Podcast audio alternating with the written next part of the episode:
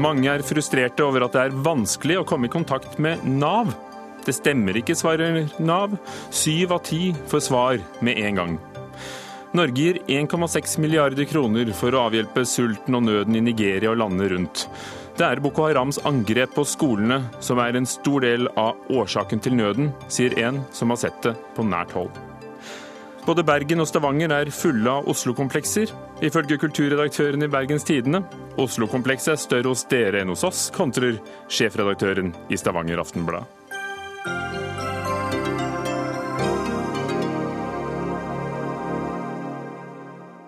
Og må malerier av Edvard Munch ha ramma gull rundt seg? Selv valgte han ofte helt enkle rammer, hvite eller trefarget. Vi tar debatten mot slutten av denne utgaven av Dagsnytt 18, som i kveld er ved Ugo Fermariello. Nav hevder at syv av ti som ringer, får svar med en gang fra veiledere. De som ikke får kontakt med en fagperson, blir lovet at han eller hun vil bli kontaktet gjennom Nav innen to arbeidsdager. Mens andre har helt andre erfaringer når de prøver å ta kontakt. Velkommen til Nav. Gjelder det økonomisk sosialhjelp, midlertidig botilbud eller andre sosiale tjenester, tast 1. Gjelder det arbeid, dagpenger, arbeidsavklaringspenger, meldekort eller sykemelding, tast 2. Ja, slik hørtes det ut da vi prøvde å få telefonkontakt med Nav. Ragnhild Heifer, du er blant dem som har eh, brukt mye tid for å komme i kontakt med saksbehandlerne i Nav, så mye at du har eh, skrevet om det i Aftenposten. Hvorfor tok du kontakt i utgangspunktet? Det var fordi at jeg hjelper en familie som ikke er så god i norsk. Og de hadde fått et brev fra Nav som de kom til meg med, og som det var tre ukers uh, svarfrist på. Og jeg syntes det var uklart. Jeg skjønte heller ikke hva det var det var meningen at de skulle gjøre. Så, så jeg sa veldig kjekt ja, men jeg skal ringe til Nav for dere i morgen, jeg. Ja. Det går så bra. Hvordan gikk det? Ja, altså Så ringte jeg, og det, ja, det tok kjempelang tid å komme gjennom. Og så snakket jeg Ja, så måtte jeg opp i alle disse numrene man må oppgi, og at jeg hadde rett til At jeg hadde sånn fullmakt da, fra dem til å kontakte Nav og alt det der. Og så forklarte jeg hva det dreide seg om, og så sa den damen jeg snakket med da, at vet du, dette tror jeg du må snakke med saksbehandler på det aktuelle Nav-kontoret om. Jeg skal sette det over. Ja, men Beklager, han er ikke der. Men jeg skal legge inn en melding, og skal han ringe tilbake til deg. Fint, sa jeg. Og så, den dagen jeg gikk mobiltelefonen på meg hele tiden. Og akkurat Man kan ikke være tilgjengelig hele tiden. Og akkurat de fem minuttene jeg ikke var tilgjengelig, så hadde selvfølgelig noen ringt fra Nav. Så, men da, Jeg visste at de stengte kontoret halv fire, så det var ikke noe vits å prøve igjen, for det var klokka blitt over tre. Så da ventet jeg til tidlig neste morgen og ringte tilbake. Og så han ventet en halv time og sa hvem jeg var, alt om igjen, om igjen, om igjen. Akkurat det samme som dagen før. Og de ringte, skulle sette meg over, og vedkommende var ikke. Og de skulle legge igjen en lapp om han skulle ringe tilbake til meg. Og det gjorde han ikke. Og altså, i løpet av en uke så ringte jeg seks ganger dit. Ventet en halvtime hver gang. og kom ikke med, altså, kom aldri i kontakt med saksbehandler. Jeg, men dagen etter at jeg hadde skrevet i avisen, så ringte noen meg fra det kontoret. Jeg, det var det var tolv dager etter at jeg hadde begynt å prøve å kontakte Nav. Et sammentreff, tror du, at det kom etter at lesebrevet sto på trykk? Jeg spurte har dere lest om at jeg har skrevet i avisen, sa jeg. Men det svarte de ikke på da. Ja. Hvordan tror du det hadde gått hvis den familien eh, du prøver å hjelpe, hadde selv prøvd å ringe? De hadde jo, ikke, de hadde jo gitt opp. sant, Det er jo hyggelige, de menneskene du kommer frem til. altså Skal ikke klage på de. Og det som jeg syns er, er, så galt, er ikke det at ikke jeg godt kan at man må gjennom den mølla én gang. Det skjønner jeg. Men når man da er blitt klarert som en som skal, som har fullmakt, eller hvis jeg ringer for meg selv, at de vet at jeg er meg, at du da skal Hvis den, de ringer tilbake en gang du ikke selv kan svare, så må du hele den greia igjen og igjen og igjen. Tapt tid for deg tid. Og, og, for Nav, vil vi tro. I dag svarte Nav på kritikken i Aftenposten. Hva, ja. hva syns du om svaret du har fått? Altså, jeg syns det var litt på siden. Fordi at jeg, jeg, har jo ikke sagt at ikke jeg skjønner at man skal gå via dette senteret deres, og at de skal skille ut de som ikke trenger å, å, å, snakke med en saksbehandler på et bestemt kontor. Det er ikke mitt problem. Og de sier at syv av ti får svar som de skal. Ja, men det er, de, de er nok på det, den, det senteret.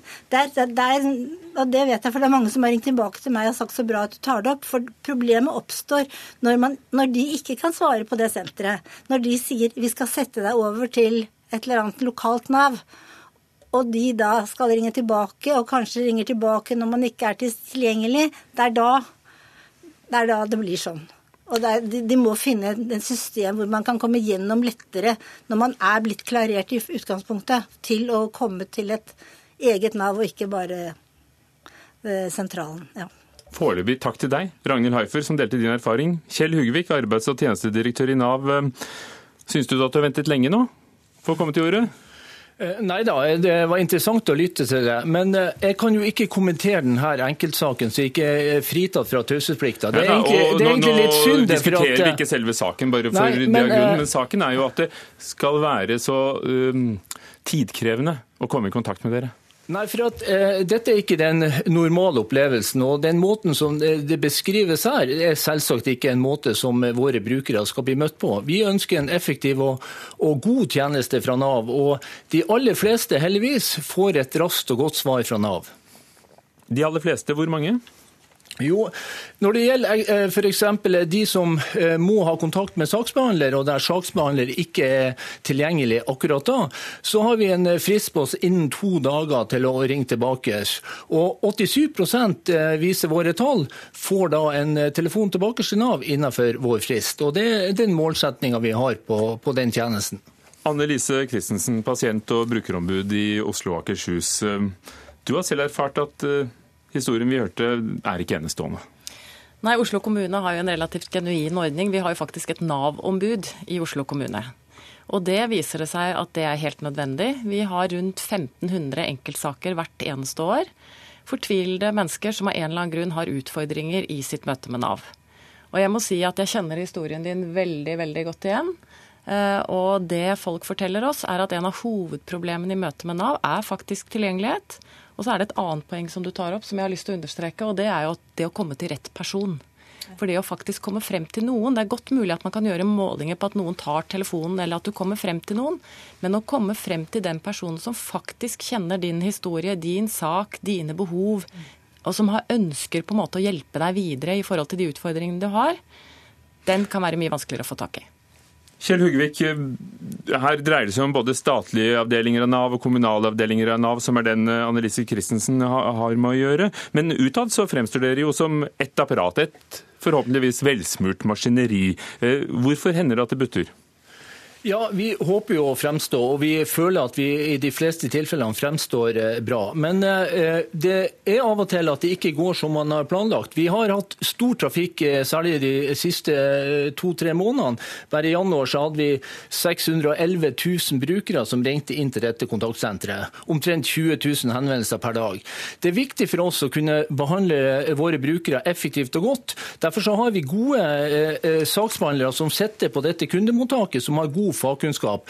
Og det viser seg at i svært mange tilfeller så kan de avslutte den samtalen, gi god informasjon, og, og brukeren er fornøyd. Uten å få selve saksbehandleren, selve eksperten ja, på din sak? I, I, veldig mange av de eh, telefonene som ringes inn, så er det en type informasjon som de eh, saksbehandlerne som sitter på eh, kontaktsenteret, eh, eh, har god kompetanse på å svare opp.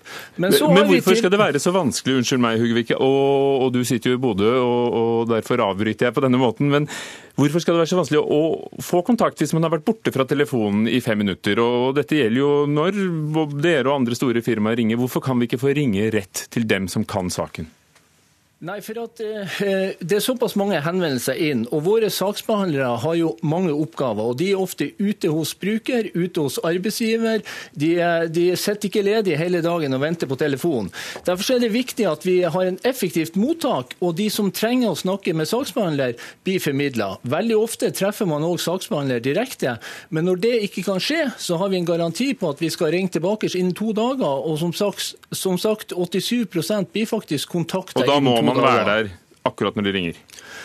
Ja, altså, Hun sa det sjøl, dette med tilgjengelighet. Men vi, eh, vi, forsøker jo å ringe opp igjen dersom, eh, dersom, vi ikke får kontakt. Vi legger også igjen eh, eh, informasjon på vårt interne eh, Modia, som er saksbehandlingssystemet. Så dersom man ringer opp igjen, så skal man få svar på hvorfor man ikke fikk kontakt. Og Kristensen, Når dere da har 1500 henvendelser i, i, året som gjelder Oslo og Akershus, så er jo det de sakene som er spesielt vanskelige. Og, og da kan det være at det derfor er spesielt vanskelig å, å få rette vedkommende. Jo, selvfølgelig er det det. De ringer jo ikke oss når de er strålende fornøyd. Men det er så mange av de at jeg syns at man skal være litt mer ydmyk når man får brukererfaring. Akkurat som man får her fra Ragnhild.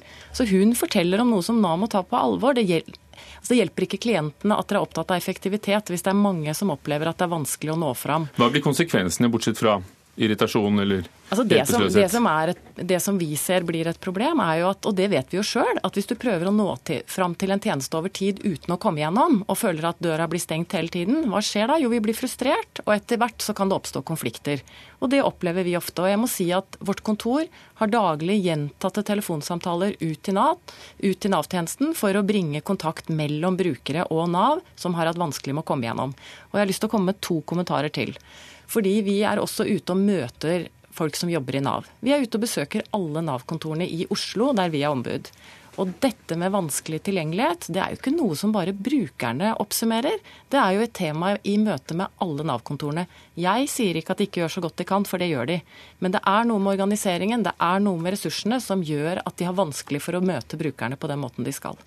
Er det noe Kjell Høgvik, med systemene dere kan gjøre? For det er klart at hadde dere solgt alt fra flybilletter til eh, noe annet, så, så, så kunne dere ikke risikert å gå glipp av en kunde? Ja, helt klart. Og vi skal være ydmyke på det at vi er, på, er ikke perfekt på alle områder. Og vi har også et eh, forbedringspotensial i brukermøtet. Jeg er helt enig med pasientombudet. I, særlig i de vanskelige sakene så er det viktig å få nettopp gode møter. Derfor så har vi en, en kanalstrategi der vi forsøker å, å organisere våre tjenester så eh, vi utvikler mange selvbetjente løsninger, god informasjon på vårt nett, så ja, de som sjøl kan skaffe opplysninger ja. tiden er knapp. så kunne den, de tjenestene innebåret at man slapp å, å, ga, å gi alle personnummer og, og, alle opplysningene om igjen hver gang? Kunne ikke det ligget der da i systemet? Jo, og etter hvert vil vi få bedre systemer på det. Men samtidig så må vi ivareta sikkerheten til brukeren. Vi må være helt sikre på at den informasjonen vi gir ut er klarert og er godkjent, at man har fullmakt til å få den. Så dette er en balansegang mellom dette med å være god service og, og, og trygg service. Kristensen, det, dette er jo ikke noe hvilken som helst kontor. det er veldig sensitiv informasjon som håndteres? Jo, men jeg har lyst til Siste kommentaren min. Altså, Vi snakker mye om pasientens helsetjeneste. Der har vi vår egen fastlege. Målet med det er at det skal være kontinuitet og én person å snakke med. Vi snakker veldig lite om brukerens sosialtjeneste. Kanskje det er det vi må sette på dagsorden. Økt tilgjengelighet, nærere kontakt med din saksbehandler, så skal vi se at det går bedre. Takk skal dere ha, Ragnhild Heifer. Du skrev i avisen om din opplevelse. Nå har vi sittet her. Du har hørt både et ombud og Nav selv. Hva syns du? Jeg er vel mer enig med ombudet enn med sjefen. Og jeg vil jo bare si at jeg har fått veldig mange tilbakemeldinger om at så etter det i avisen, så bra at du skrev det, for det er virkelig fryktelig vanskelig hvis man da ikke treffer den man skal med en gang. Takk skal dere ha, alle sammen. Ragnhild Heifer, som skrev om dette. Kjell Hugvik, arbeids- og tjenestedirektør i Nav. Og Annelise Christensen, pasient- og brukerombud i Oslo og Akershus.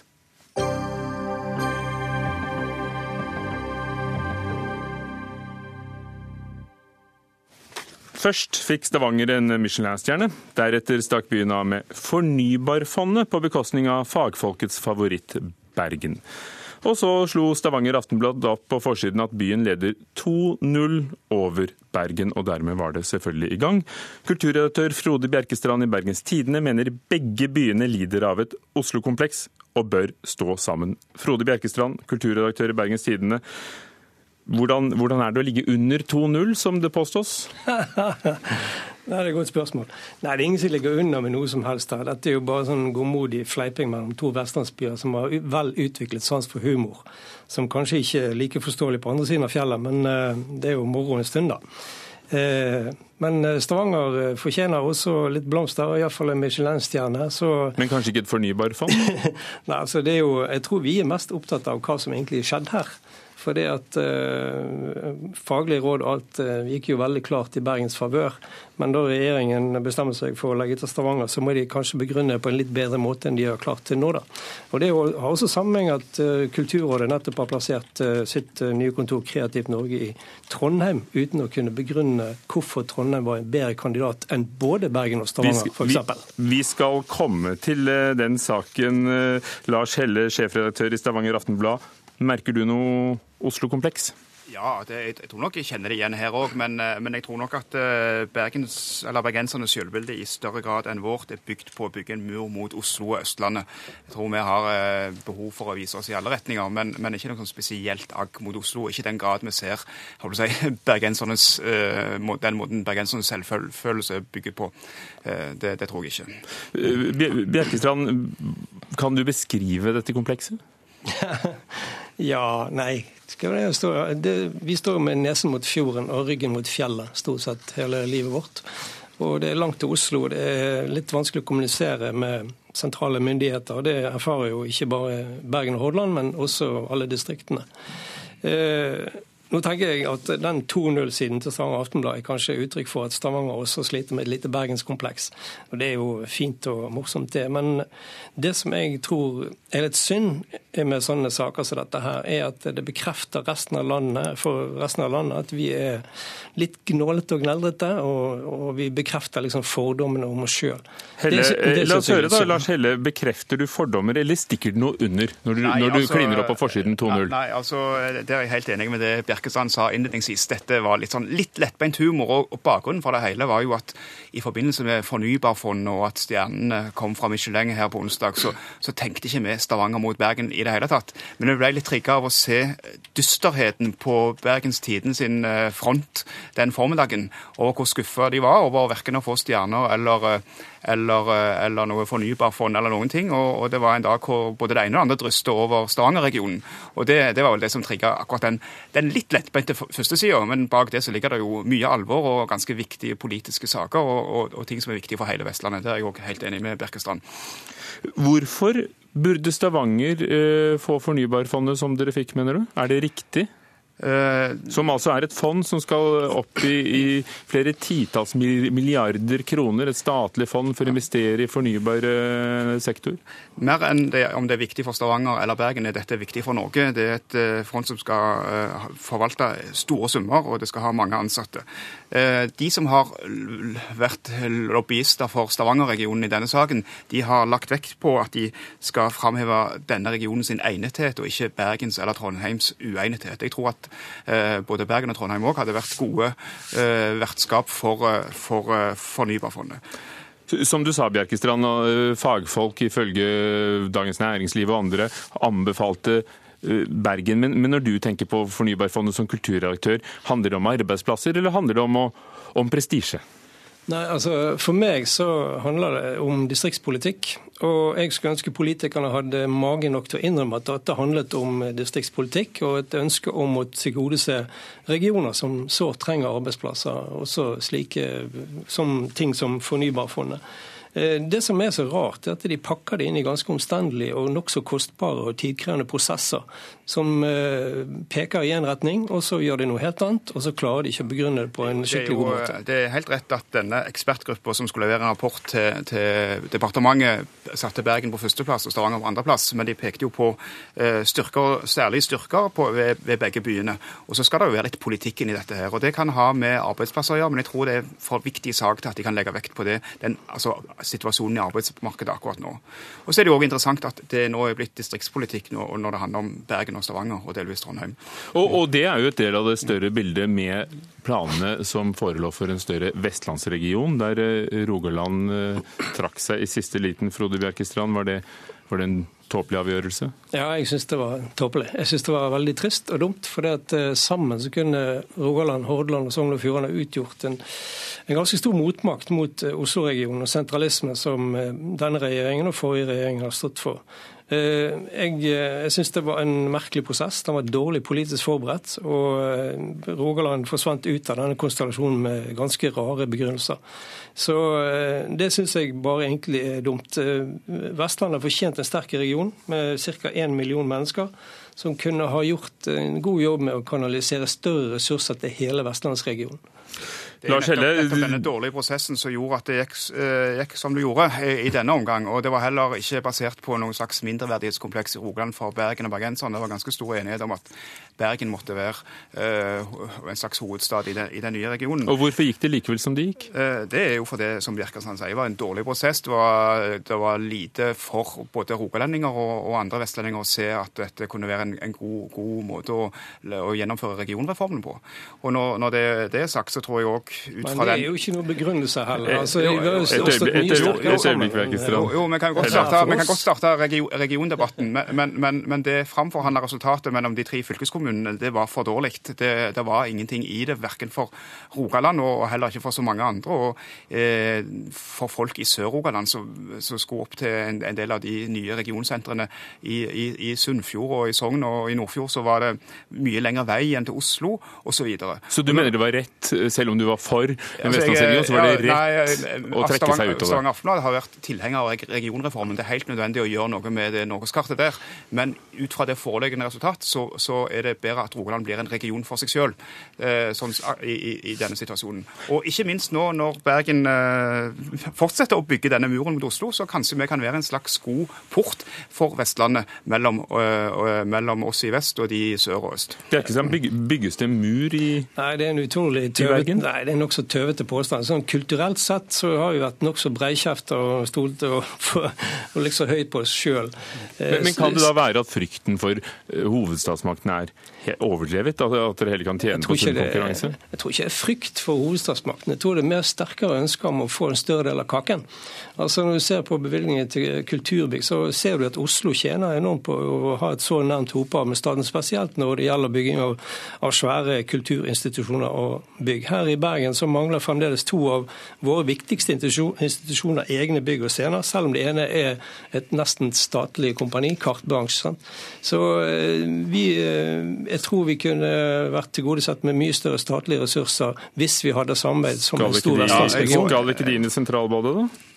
Eh, nei, ikke foreløpig. Der, eh, der, sa jo kulturministeren blankt nei til å gå inn i en sak med Bergen. der. Men jeg tror ikke vi hadde, tror ikke, tror vi hadde hatt den samme interessen for å få fornybarfond eh, i, selv om vi hadde vært i felles region, så tror jeg både Stavanger-regionen og Bergen ville vært interessert i å få det fondet. Absolutt. Samtidig så har du jo et poeng, og det, jeg tror bare det er viktig nå at, eh, at eh, vi ikke går og graver oss ned for det om det ikke ble en vestlandsregion i, i denne omgang, men at vi videreutvikler det, det, det samarbeidet som tross alt foreligger, og ikke minst med å arbeide med å få en i alle fall halvparten så god infrastruktur eh, i aksen Stavanger-Bergen som de har på Østlandet. Det, det er jeg helt enig med. Altså, hadde, Frode, hadde et siste spørsmål ja.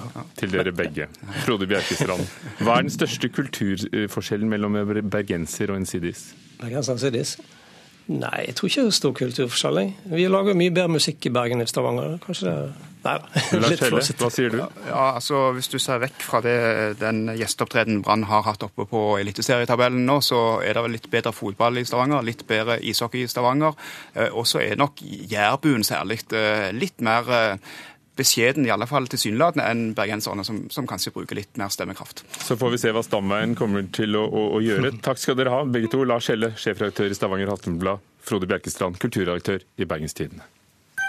Dagsnytt 18 på NRK P2 og NRK2. Norge gir 1,6 milliarder kroner til Nigeria og, lande rundt Tsjadsjøen i Afrika, som altså er Niger, Kamerun og Tsjad. Og totalt er det blitt lovet rundt 5,6 milliarder kroner til dette området under giverlandskonferansen i Oslo i dag. Og det skal angivelig komme mer penger til disse landene etter hvert. Afrikakjenner og professor ved Universitetet i Oslo, Helge Rønning. 11 millioner mennesker er i akutt behov for nød nå. Hvorfor ble det sånn? Det er mange årsaker til. Eh, for det første så har det med denne terrorbevegelsen Boko Haram å gjøre, som jo har eh, drevet terror mot befolkningen, særlig i Nordøst-Nigeria, men også delvis i nabolandene som Tsjad og Niger og Kamerun. Og delvis har det med klimaendringer å gjøre. Eh, den store innsjøen som ligger i området, som kalles Shad-området, ikke sant? De, den har nå tapt seg 90% på de siste 50 årene. Den er nå 10% av den størrelsen den hadde for 50 år siden. Det betyr at uh, fisken fra denne sjøen, som var en veldig viktig del av maten for folk som bodde rundt den, jo er mer eller mindre forsvunnet. I tillegg så er det pga. Boko Harams herjinger også ført til at folk da flyktet, og ikke kunne plante og så på de områdene som de plantet og sådde tidligere. Det er et kjempestort område. Det er omtrent halvparten av hele Vest-Europa som dette dreier seg om. Veldig dårlig kommunikasjon, veldig dårlige forbindelser. Det er en viktig del av det. Navnet Boko Haram betyr altså på et lokalt språk 'vestlig utdannelse er forbudt'. og de angriper det, betyr, på... det betyr faktisk 'bok er synd'. Bok er synd. Ja. Eh, jeg sa vi skulle få besøk av en som, som jobber spesielt med det i, i, Nigeria. Hun er dessverre forhindret fra å komme, fordi hun, eh, observatøren for Human Rights Watch eh, fortsatt er på konferansen i Holmenkollen i Oslo. men de har angrepet ikke bare den skolen vi har hørt om med de savnede jentene.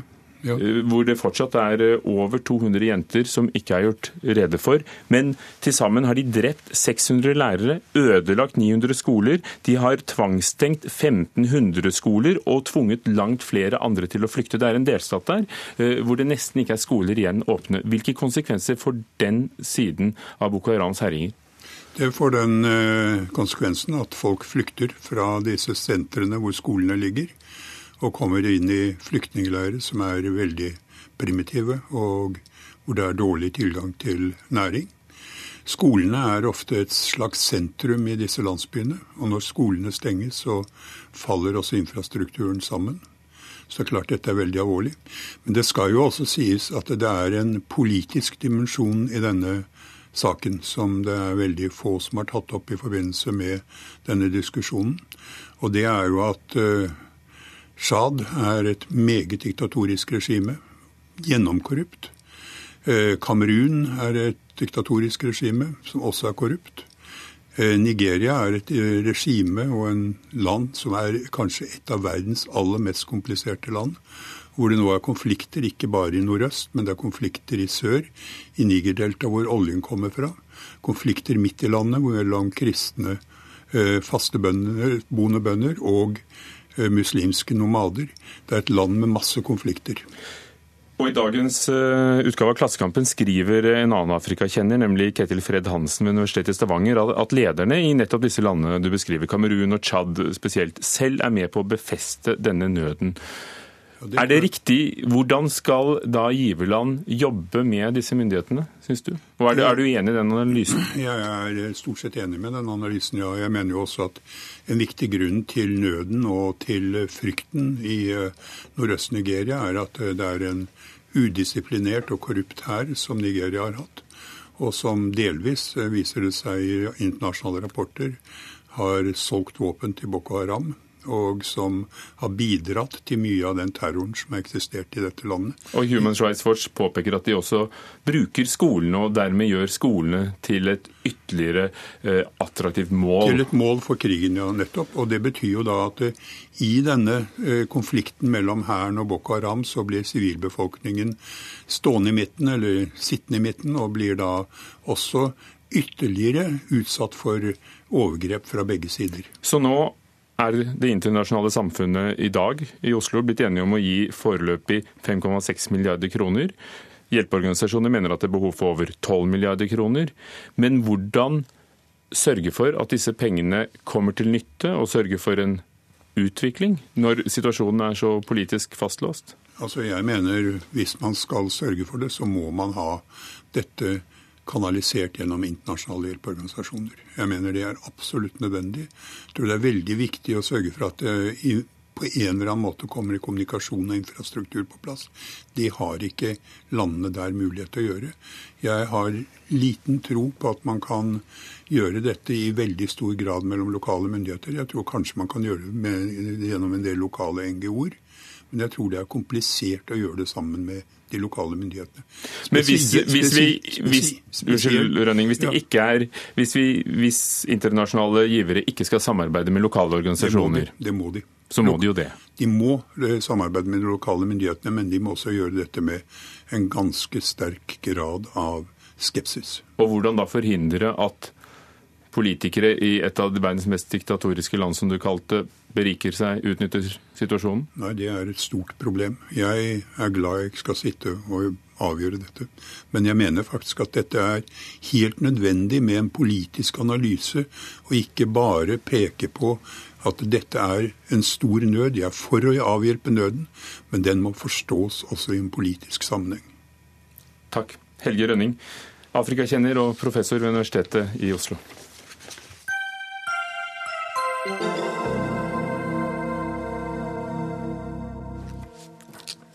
Vi flytter oss fra et kontinent til et annet. For en drøy time siden holdt USAs president Donald Trump sin tale på CPAC, de konservatives eh, aktivisters eh, konferanse i USA. og Det er den største konferansen som, som de holder. og Sist Trump holdt, holdt tale på denne konferansen var for seks år siden. og Da fikk han en lunken mottakelse. USA-korrespondent Tove Bjørgaas, eh, hvordan var det i ettermiddag? I ettermiddag så fikk eh, han eh, stor applaus, eh, og folk reiste seg når han sa at det er amerikanske borgere som skal settes først nå. Så I fjor så holdt ikke Trump tale på denne konferansen, for da var det så mye krangel innad i partiet om hvorvidt han var riktig mann for presidentembetet. Men, men nå virket det som partiet hadde omfavnet han i mye større grad. Tidlig i talen så gjorde han som han har gjort tidligere. Han tok for seg pressen. And I want you all to know that we are fighting the fake news. It's fake, phony, fake.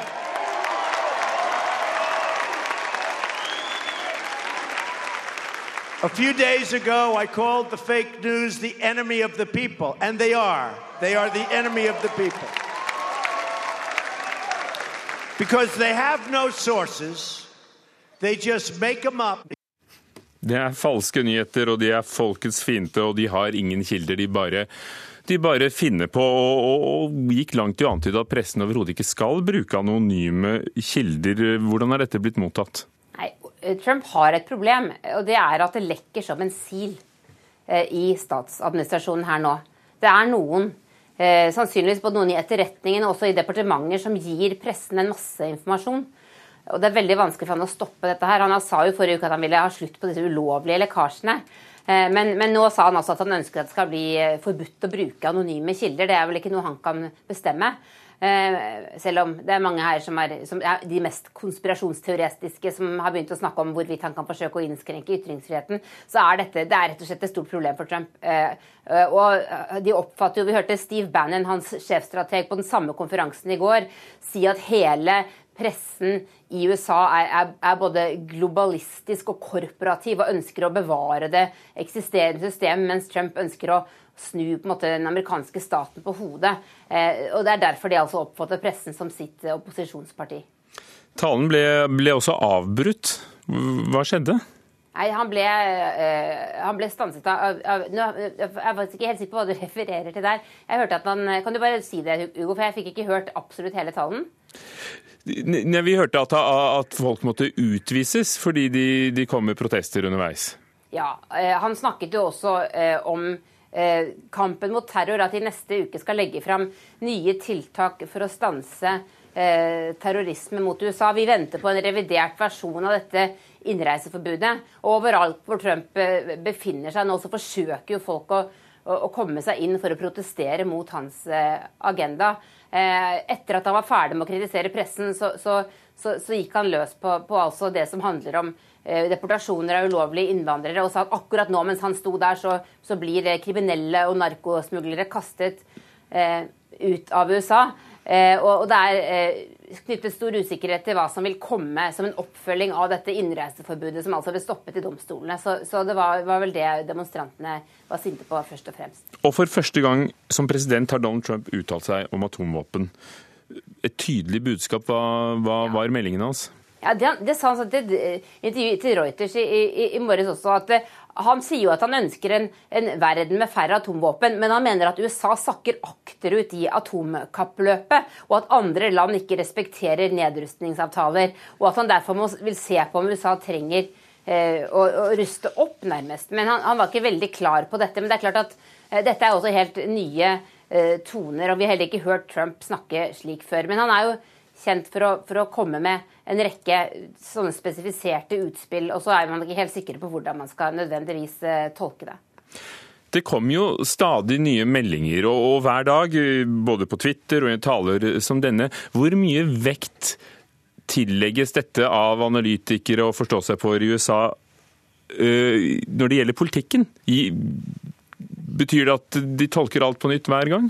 Det som er problemet, og det som tillegges mye vekt, det er at det kommer veldig motstridende signaler, ofte fra Trump og noen av de statsrådene som han nå har fått på plass. I går for eksempel, så sa John Kelly, som er statsråd for innenriks sikkerhet og var i Mexico, at eh, det skulle ikke være massedeportasjoner av ulovlige innvandrere, og at det heller ikke er snakk om å bruke militære, militæraksjoner i deportasjoner. Og så sa Trump kort tid etterpå at eh, vi skal bruke militæraksjoner for å kaste ut innvandrere. Og Da måtte altså pressetalsmannen hans ut og, og, si at når Trump sa, brukte ordet militære aksjoner, så, så, brukte han det som et adjektiv. Skjønner du det? Altså For å beskrive måten man skulle gjøre dette på. Det var ikke nødvendigvis snakk om å bruke militære, men om å, å bruke harde midler.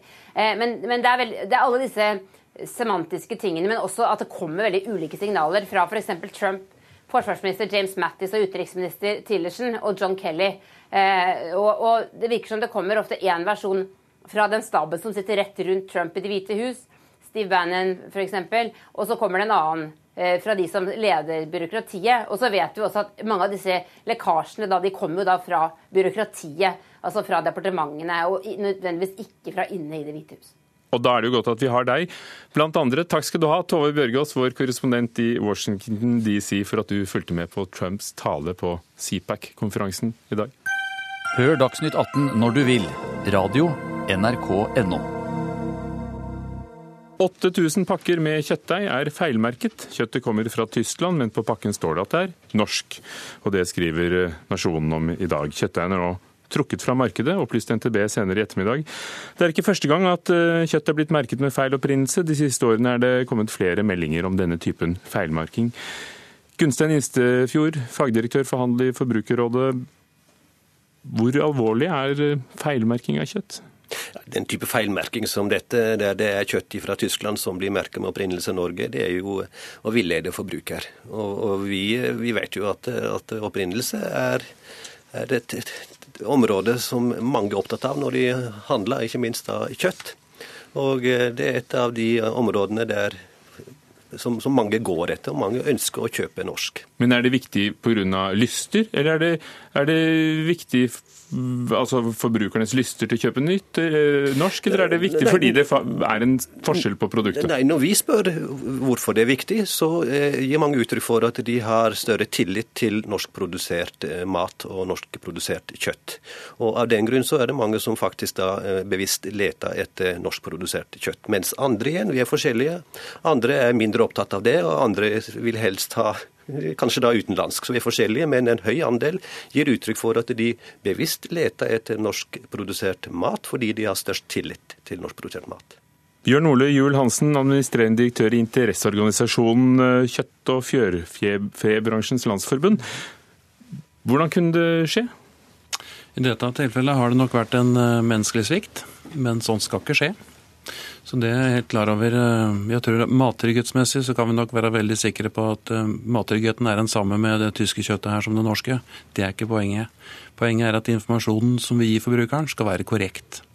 Så jeg kan bare beklage, det vet jeg at produsenten gjør. Har lagt seg flat for dette. Ja, vi spurte produsenten om å være med, men, mm. men uh, han ville ikke delta. Men dette har jo vært flere tilfeller uh, av, feilmerking. Uh, det har tidligere handlet om en farse som var utspedd, som inneholdt melkepulver.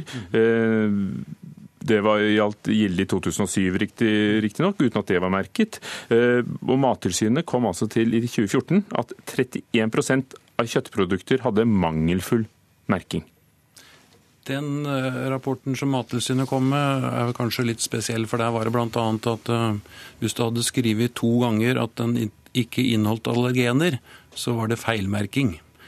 Og da kan vi, så det er, det er en annen diskusjon, vil jeg si. Så det var regelrytteri? ja, så det, så det, vil jeg si. Men, men øh, om det skjer Det skjer én gang, er én gang for mye. Og jeg har lyst til å si at jeg er helt sikker på at ingen ønsker å, å, villede forbrukeren, fordi man lever av tilliten. Det er bedriftene veldig klar over. Men unnskyld, ja. vi har alltid hørt om eh, feilmerkingen som mm. går på at tysk kjøtt er blitt merket som norsk. Mm. Kjøtt fra Namibia er blitt merket som norsk, men vi har sjelden hørt om andre veien. At norsk kjøtt er blitt merket som namibisk eller tysk. Det eksempelet du nevnte med Namibia, var vel et eksempel, eh, hvis ikke jeg husker helt feil, der man mente det var norsk som var merket namibisk. Rett og slett. Så det går begge veier, altså? Det går begge veier. Men og bare rent sånn praktisk, da kan du si at eh, i eksempelet her så har det Fatland. De, har, eh, de produserer en 700-800 varelinjer. Disse, denne pakkemaskinen den skifter man om en tre-fire ganger i løpet av dagen. Så dessverre skjer feil. Det skal ikke skje, og de endrer systemene sine. Gunstein Instefjord eh, i Forbrukerrådet. Går feilmerkingen utover sikkerheten, eller er det matvaresikkerheten, eller er det mer følelser for dem som plukker opp en pakke? Nei, altså I utgangspunktet så skal ikke feilmerking ha betydning for mattrygghet. Fordi det handler ikke om sporingen? Nei, altså vi må legge til grunn at de krav som gjelder sporing, og det er uhyre viktig at de kravene imøtekommes. Mm. Altså Vi skal ikke ha kjøtt, vi skal ikke ha mat på det norske markedet der vi ikke kan spore tilbake inn til opphav. Det er uhyre viktig dersom vi får et, et utbrudd av, av, av matforgifting. Så, så, det, så det tar, legger til grunn at dette er feilmerking, at de kravene som gjelder sporing feilmerking de, de, de opprettholdes og de, de, gjelder. Men feilmerking er likevel altså det er Altså, jeg vil i dette tilfellet jeg vil ikke tro, og det er ikke vårt inntrykk, at dette er gjort bevisst for å lure forbruker eller for å tjene penger.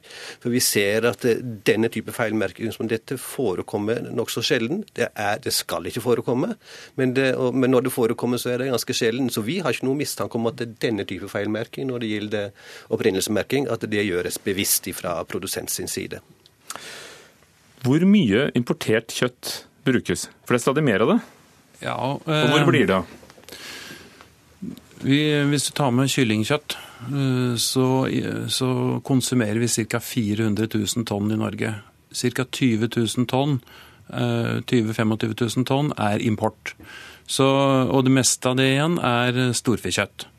Så jeg vil ikke si at det er en stor andel, som du da skjønner, men ca. 20% av storfekjøttet som vi spiser, er importert. Og det forsvinner, for å kalle det ut til forbrukeren, på flere måter. Det går via storhusholdning, det kommer i produserte varer som denne kjøttdeigen her. Du kan også finne det merket eh, med Nature's Own-merket, f.eks., fra Namibia. Så, så, det kommer ut på forskjellige måter, men mesteparten av det inngår i bearbeida produkter og til storhusholdning. Ligger det nasjonalisme i bunn? For hva, hva vet forbrukerne om eh, retningslinjer for landbruket i Tyskland? Hvem har sagt at tysk kjøtt eh, ikke har vel så strenge krav på seg som norsk, f.eks.? Jeg tror det er ulike motiver her. Altså fordi altså Noen av de som sier at de gjerne vil kjøpe norsk kjøtt, de sier det helt åpent også for at de vil gjøre det for å støtte norsk landbruk. Eh, andre igjen gir uttrykk for større tillit til norskprodusert mat og norskprodusert kjøtt. Og det er jo det er grunn til å hevde at det, det, det kan være et rasjonal i det også. Hvis du ser på f.eks. bruken av antibiotika i, i landbruk og i kjøttproduksjon, så er det store forskjeller mellom f.eks. For Norge og Tyskland. Eh, norsk landbruk er av de som bruker minst antibiotika i, i landbruk og kjøttproduksjonen. og eh, det at en del forbrukere ønsker å eh, honnøre norsk landbruk med det, ved å kjøpe norskprodusert kjøtt, det, det, skal de ha full rett til. Men hele grunnen til at denne saken kom opp, er at den eh, kjøttdeigen det snakkes om her, ikke var tilsatt verken eh, vann eller salt, ja. og derfor må den merkes. Men hadde den vært spedd ut med et eller annet, ja, så da må den ikke merkes. Nei. Så det betyr at det er ikke like viktig for alle kategorier. Ja, det, det, er jo heller ikke industrien da, som bestemmer reglene. og Reglene er de samme i EU og Norge. Og Der er, eh, er det kun rent kjøtt for eh, storfe, som i dag må merkes på, med opphav, slakting og, og, ja, nå har jeg glemt det siste der. Vi vil ganske snart få regelverk som gjør at du får også det samme på de andre dyreslagene. Opphav, slakting og skjæring, skjæring er det vel. Ja. Burde det vært strengere kontrollmekanismer? Vi husker tilfellet fra noen år tilbake da storfekjøtt viste seg å være hest. Avslørt av en DNA-kontroll. Det var et utslag av ren svindel og kriminalitet. Um, og jeg tror nok det at med økt globalisering så er, dette, er det et område som krever økt oppmerksomhet. Eh, vår søsterorganisasjon i Nederland har, nettopp gjort en eh, undersøkelse av mer eksklusive matprodukter. Og de fant da en, en bekymringsfull høy andel av de produktene at de var noe annet enn hva de ga seg ut for å være. Det gjaldt innenfor eh, honning, eksklusive olivenoljer og også kjøtt. Slik at det er en utfordring med den økte globaliseringen som vi nå ser når det gjelder handel også med mat. Vil det vært aktuelt for, for dere i Forbrukerrådet å, å, å kontrollere mer? Altså, det, er et tema som er på dagsordenen hos oss. Eh, vi har stor tillit til eh, Mattilsynet, og vi vet at matkriminalitet er høyt på dagsordenen også i, i Mattilsynet. Men de funnene som er gjort i andre europeiske land av våre søsterorganisasjoner, tilsier at dette er noe som vi også må, må se nærmere på. Vi hører at det er ingen fare for sporingen av hvor kjøttet kommer fra, men hvis det skjer feil i, den ene etiketten, så kan det vel skje i den andre etiketten også?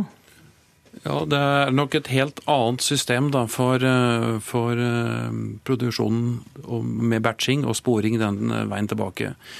Jeg har ingen grunn til å tro at det er noe som helst tull med det. Det er innskjerpet så hardt fra alle, så mye. Og her er ikke den, eh, den endringen som du må ha i forhold til alle, type, alle, navn på etiketter og den type ting. Det er ikke på langt nær så store endringer i forhold til produksjon av eh, og merking med, med batchene i forhold til sporinga. Så den er på plass. Det er saken biff. Takk, Minst. Takk skal dere ha.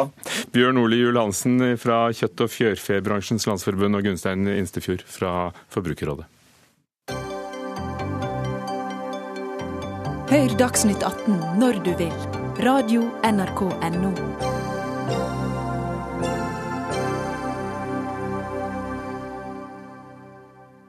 Skal Edvard Munchs 'Skrik', 'Madonna' eller 'Syk pike' ut av store, tunge gullrammer? Munch-museet og Nasjonalmuseet forsker nå på hvilke rammer Munch selv brukte, hvor den vi ser på i dag kommer fra, og om noen kanskje til og med skal skiftes.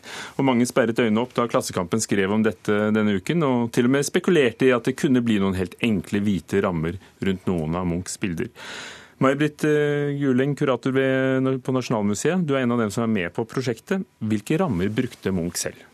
Munch brukte veldig enkle rammer. Han brukte smale eller nokså brede gjerne flate rammer eller med en veldig enkel profil. Og vanligvis så var de eh, enten trefarget, eller de var beiset, eller de var sorte eller hvite. Han brukte ikke gullrammer. Og hvordan har det seg da at når vi går i Munch-salen på Nasjonalgalleriet, så er det store, brede, tjukke, noen ganger ornamenterte gullrammer? Ja, de er ofte de er ornamenterte, stort sett. Og det eh, henger sammen med en endring i estetikken. Og da særlig knyttet til eh, Nasjonalgalleriets direktør Jens Thies, som i 1909 overtok eh, i ledersetet, og som gjerne som eh, totalt renoverte bygget. Og rammene var en del av den renoveringen han foretok. Han, det var en veldig enkel montering. Det var lyse vegger, det var noen mørke innramminger rundt bildene. Eh, og før han kom til eh, direktørsetet.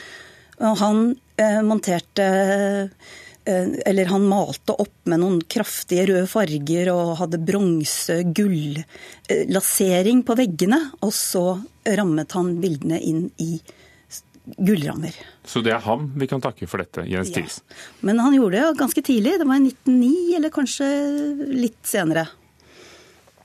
Er det, er det mulig å å skifte ramme på, på, noen av disse bildene? Er det, er det mulig at dette forskningsprosjektet dere ender med at dere faktisk har lyst til å skifte rammer? Det vet vi ikke riktig ennå. Fordi det er veldig mange hensyn vi må ta. Fordi på den ene side så vet vi jo at bildene får en helt annen virkning på betrakteren når de har disse veldig enkle rammene.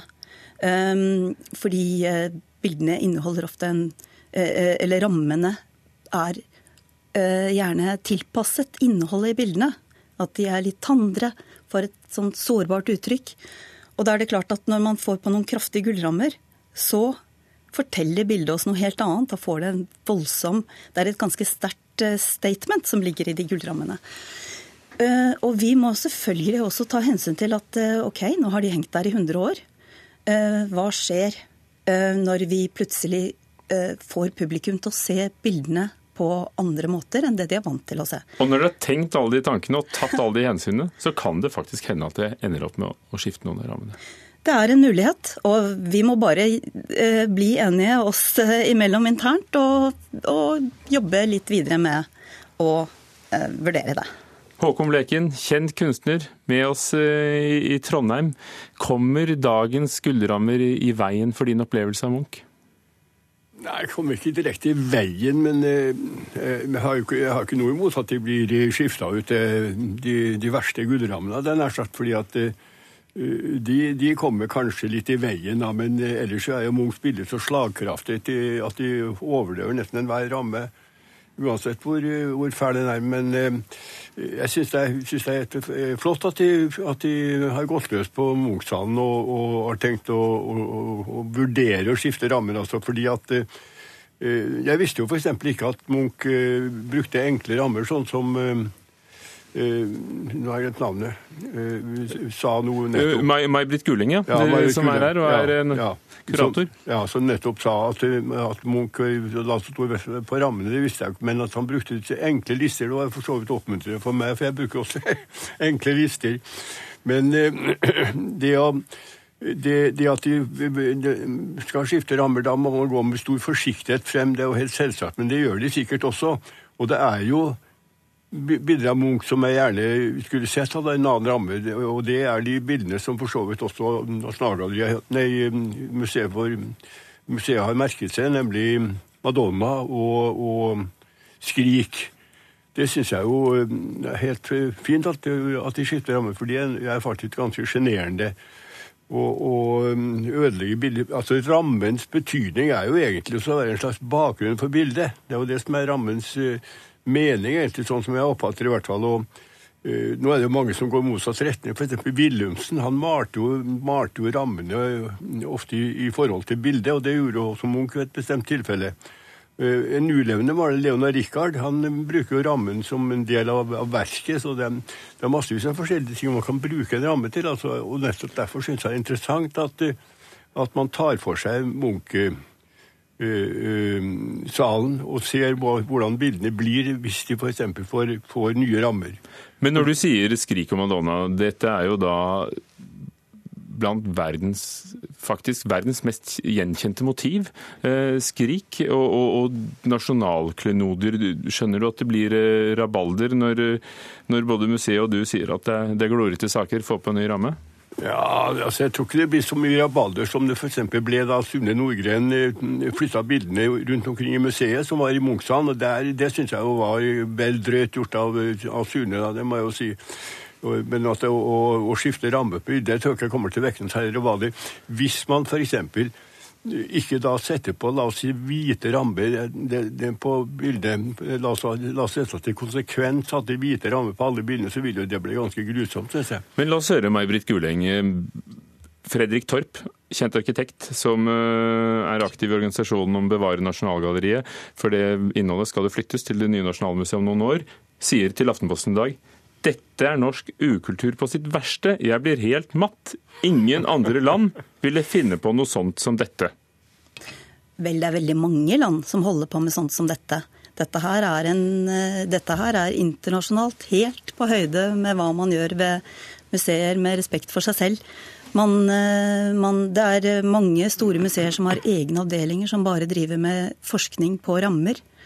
Og som eh, forsøker å rekonstruere eller finne tilbake til hva slags rammer et verk har hatt. Um, Men forteller ikke også den rammen som henger der i dag, en historie? En historie om et museum som tok inn en uh, nymotens kunstner og, og, og, løftet ham inn i uh, nasjonal kanon? Absolutt. Og det er klart at han har jo Altså Jens Thies, da han valgte å ha gullrammer, så har han jo eh, forsøkt å også monumentalisere Munch og forsøke å gjøre han kanskje mer spiselig for eh, det publikummet som han hadde i, eh, i Nasjonalgalleriet, ved å gjøre han mer lik eh, den generasjonen som var før, ved å rett og slett gi han samme type rammer Som de store mestrene. som de store mestrene. Leken. Ja. Eh, altså, er det riktig å kaste ut hele, hele den museale historien med, med gullrammer som, er- som er blitt en del av de motivene vi kjenner? Nei, det syns ikke jeg er riktig uten videre. fordi at uh, Selv om bildet blir flyttet inn i et helt nytt bygg, så syns jeg ikke man nødvendigvis skal ta hensyn til bygget uh, og så forandre rammene i forhold til det.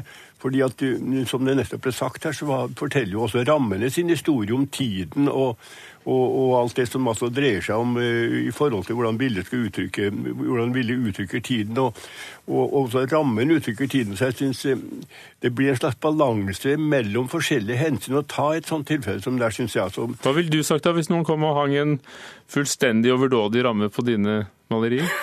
Nei, det tror jeg ikke ville passe det særlig godt, så jeg ville antagelig fjernet det. Jeg bruker jo eh, vanligvis en enkel list, eller i det hele tatt ikke noe som helst, bare maler kanten på eh, lerretet, eh, flaten på lerretkanten sort. Slik at det blir en slags ramme, da, men det er selvfølgelig ikke noe god løsning. det. Altså, jeg, kunne neppe tenkt meg at man kunne, kunne bruke sånn på Munch, i hvert fall.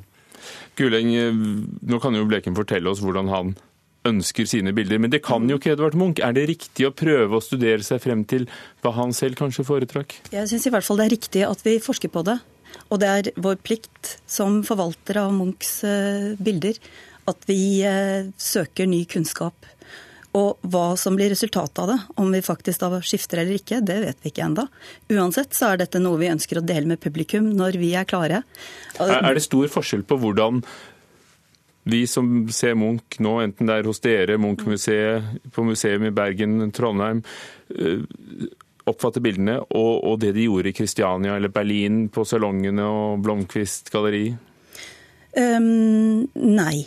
Altså, Munch var jo en internasjonal kunstner.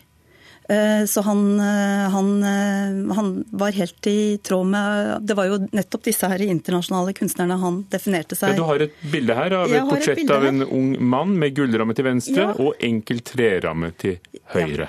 Det er en ung kvinne. Ung kvinne, ja, nå ser jeg ung det. kvinne. Litt androgyn. Og hun er da, Dette her maleriet er fra 1883, og det var det første maleriet som Munch stilte ut offentlig. Det gjorde han i Kristiania. Og da stilte han det ut med, den, med en veldig enkel, men ganske bred, brun ramme, hvor man ser treverket gjennom eh, laseringen eller, eller det brune malingen. Eh, og er, eh, den fargen gir en helt annen dybde til fargene i maleriet enn den litt grelle gullrammen som Nasjonalgalleriet satte på da bildet kom inn i Nasjonalgalleriets samling i 1964.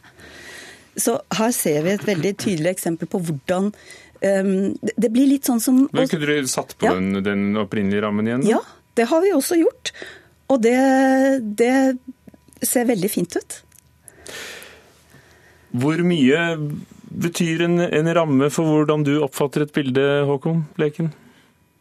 Ja, det betyr faktisk eh, noe av og til, men jeg syns ikke det betyr så, så veldig mye. Altså, det kan selvfølgelig være helt ødeleggende, og, og det eksempelet jeg nevnte nettopp med hvite rammer på alle Munch-bildene, ville jo være fælt. Han brukte hvite noen ganger. Det var rett på jubileumsutstillingen som hadde hvit ramme. Ja, det hadde ikke hvit ramme, men det var montert på en hvit eh, flate, eller en gråhvit flate, slik, slik som det opprinnelig også ble gjort i Berlin, med livsfrisen som var plassert på den, og det syns jeg grunnen var ganske flott.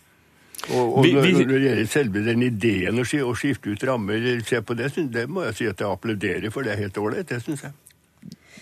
Kan jeg få lov å si at, at det var et veldig um, Det har aldri vært snakk om at vi skal erstatte alle rammene med hvite rammer. Det må bero på en misforståelse. Men det er helt riktig at Munch av og til brukte noen brede hvite rammer, særlig i perioden fra tidlig, altså til 1900 til 1905, så brukte han noen veldig fine rammer.